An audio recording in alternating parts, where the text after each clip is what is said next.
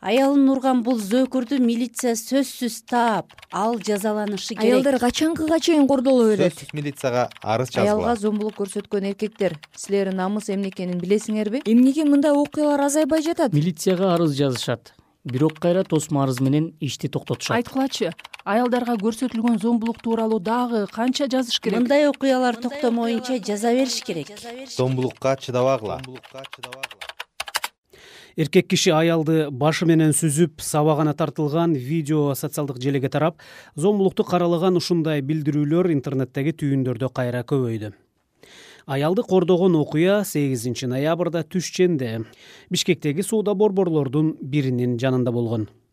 Шаардык ички иштер башкармалыгы алар жубайлар экенин учурда териштирүү жүрүп жатканын билдирди адатта зомбулукту токтотууга чакырган активисттердин көбү кыз келиндер.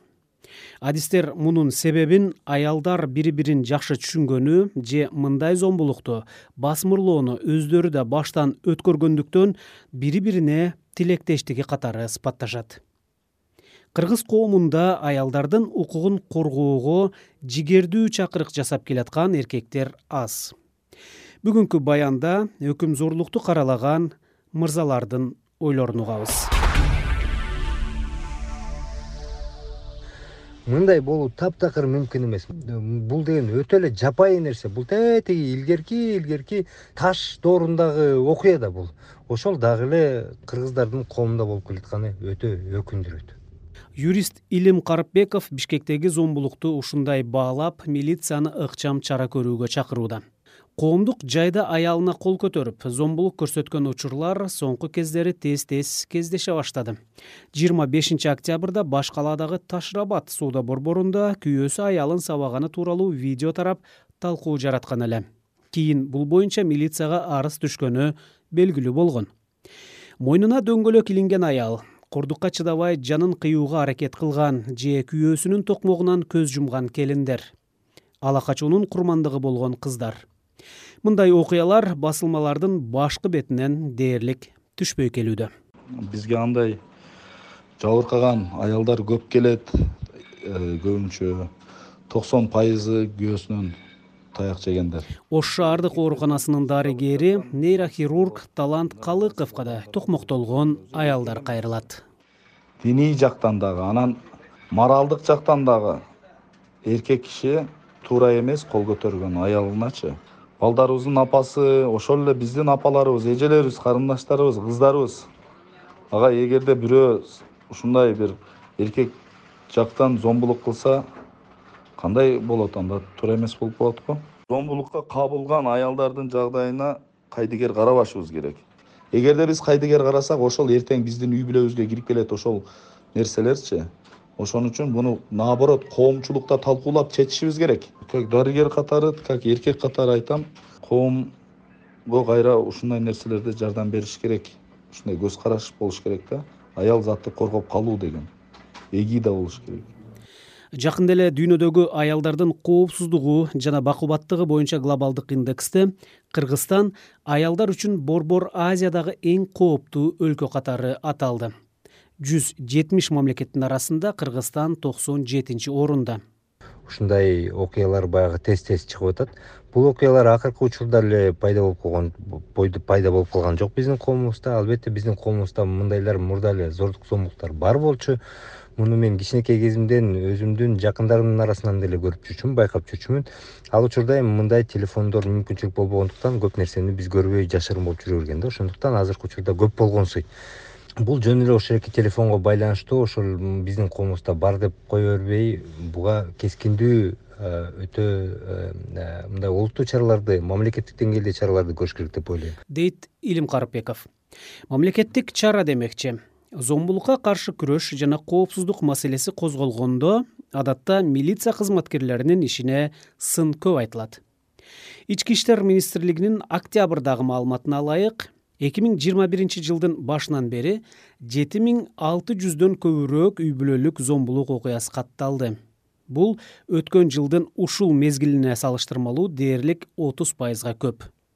Башкы прокуратуранын эсебинде үй бүлөлүк зомбулуктун токсон пайыздан ашуун учурларында аялдар жабыр тартат ички иштер министрлигинин коомдук коопсуздук кызматынын бөлүм башчысы таалайбек алижанов зомбулукка каршы күрөштүн баштапкы жараяны жөнүндө айтып берди. Жарандардан келген биринчи маалыматтарды каттайбыз. Ал катталган маалыматтарды барып текшеребиз.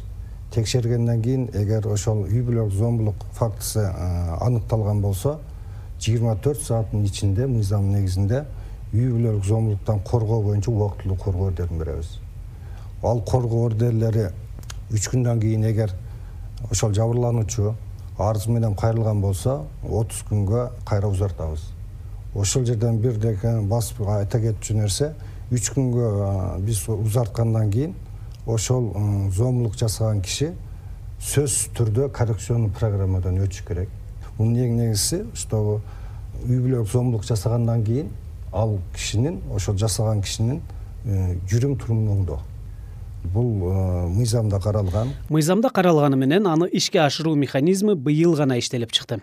Таалайбек мырзанын айтымында эки айдан бери эмгек социалдык камсыздоо жана миграция министрлиги коррекциялык программаны ишке ашыра баштады. Андыктан анын кандай жыйынтык берип жатканы тууралуу айтууга азырынча эрте. Зомбулук тууралуу көбүрөөк айтылып маселе көтөрүлүп жатканы менен экинчи бир көйгөй бар күйөөсү токмоктогон аялдар көп учурда милицияга тосмо арыз берип зөөкүр күйөөсүн кайра жазадан куткарып калат. Мындай кадам көбүнчө тууган уруктардын басымы же ошол эле күйөөсүнүн коркутуусу менен ишке ашаары айтылып жүрөт. Коомчулукта жолдошуна даттанган кыз келиндердин кайра өзүнө күнөө артып сабыр кылганды үйрөн деп акыл айткан катмар басымдуу ал тургай күч органдарында бул эми үй бүлөлүк эле маселе деп жубайлардын арасына түшүүнү каалабаган кызматкерлер бар. Муну ички иштер министрлигинин өкүлү таалайбек алижанов да четке какпайт. Адам иштеген жерде ошондой фактылар болушу мүмкүн. Аны билебиз. Бирок ошонун ичинде биз ички иштер министрлиги көп иштерди жүргүзүп келатабыз. Ошол эле ошол кызматкерлердин арасында окутууларды жүргүзөбүз. Ошол эле тренингтерди жүргүзүп атабыз. Ушул үй бүлөлүк зомбулуктан Э, болгондо кантип ошолорго э, мындай неме э, чараларды көрүш керек мыйзам чегинде? Кандай ошолор менен мамилени кылыш керек? Ошол эле жабыр тартуулуш менен ошол эле үй бүлөлүк зомбулук жасаган кишилер менен. Ошолордун кандай мыйзам чегинде алып барып кандай иштерди жүргүзүш керек? Аялдарды кордогон эркектер эркек эмес деп ойлойм анткени өзүнүн балдарынын психикасына туура эмес бир терс нерселер болуп кетпеш үчүн. Туризм департаментинин мурдагы директору максат дамир уулу муну билимсиздиктен көрөт. Анан эми милицияга барып кайрылганда кайра эле тосмо арыз жазып териштирүү иштери милицияда токтоп калып аткандыгы дагы көйгөй жаратат да. Анткени зомбулукту токтотуш үчүн биринчи иретте албетте териштирүүлөрдү аягына чейин чыгарып ал факты эмнеге болуп атканын түшүнүп бир кандайдыр бир чараларды көрүш керек да. Анан бир гана баягы чараларды көрбөстөн буну башынан түпкүлүгүн карап көрүш керек деп ойлойм. Анткени биздин азыркы учурда билим деңгээли дагы өтө төмөн болуп кеткендиктен балким тарбия жолдорун ошол эркектерди кичине кезинен бир жакшы нукка буруп бир тарбиялоо бериш керек го деп ойлойм да. Бул мамлекеттик деңгээлде дагы бир чоң бир иш чаралар болуш керек. Эми зордукчул эркектерге психологиялык мүнөздөмө берели. Психолог малаке кадыралы агрессияга алып келген факторлор тууралуу ой бөлүшөт. Социальный билимдерди караганда мисалы экономический ситуация жаманыраак начарыраак болуп баштаганда ар дайым агрессия көтөрүлүп э, анан күнөөлүүлөр издеп башталат да. Мындай экономический ситуация эч оңолгон жок. Особенно пандемияда көрүп атасыңар баалар көбөйүп атат эметип атат э, жумуш табыш кыйын болуп атат инфляция болуп атат. Менин оюмча биринчи очередь агрессиянын көбөйүшүнүн себеби биринчи эмеси ушул деп ойлойм. Экинчи фактор бул постоянно эле ар дайым болгон биздин коомдо нерсе э, биз психоанализде муну интернализация деп коебуз. Бала чоңоюп аткан э, чөйрөдө постоянно ар дайым көргөн образдарды эметип алат ичине алып алат. Бир убакыттан кийин ал э, личностинин бир э, части болуп калат. Анан ошол уже образдар уже ичинде жашай берет. Зеркальные нейроны деген нейрологияда эме чыккан жаңы нейрон түрүн табышкан что бир нерсени кайталанганын көрө берсеңер как бы силер дагы оңоюраак ошону кайталап баштайсыңар деген бул. Как бы менин оюмча ушул негизги факторлор. Анан негизги эле менин оюмча азыр эле жаңы ой келди что сексенинчи жылдары төрөлгөн поколение токсонунчу жылдары төрөлгөн поколение мындай аябай травмированный поколение деп ойлойм. Потому что советский союздун распадын көргөн экономический кризис жашаган билесиңер ал кезде мындай аябай чоң неопределенность бар болчу. Неопределенность болгондо всегда э, тревога анан стресс аябай чоңоет жогору болот. Эмелер бул мне кажется дополнительный фактор деп ойлойм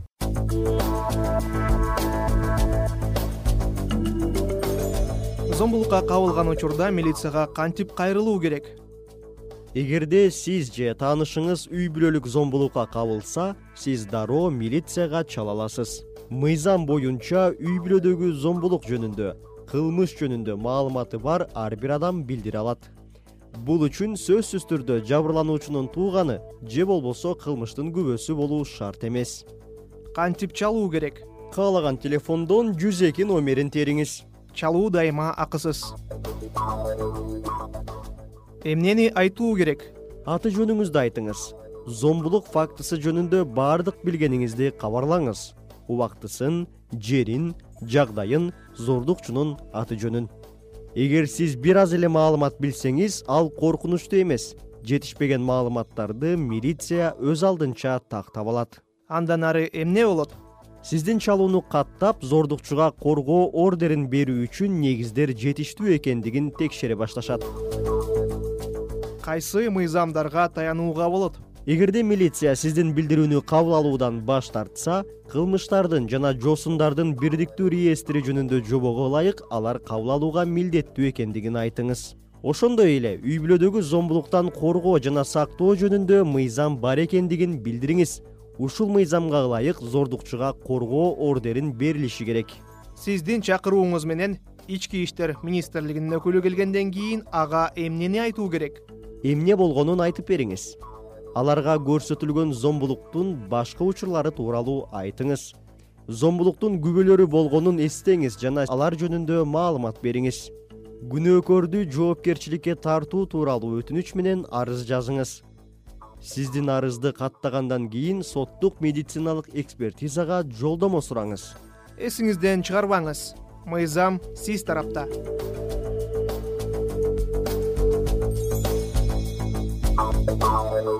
Укук коргоочулардын маалыматтарынын негизинде кесиптештерим канат рыскулов жана нурболот азамат сунуш кылган.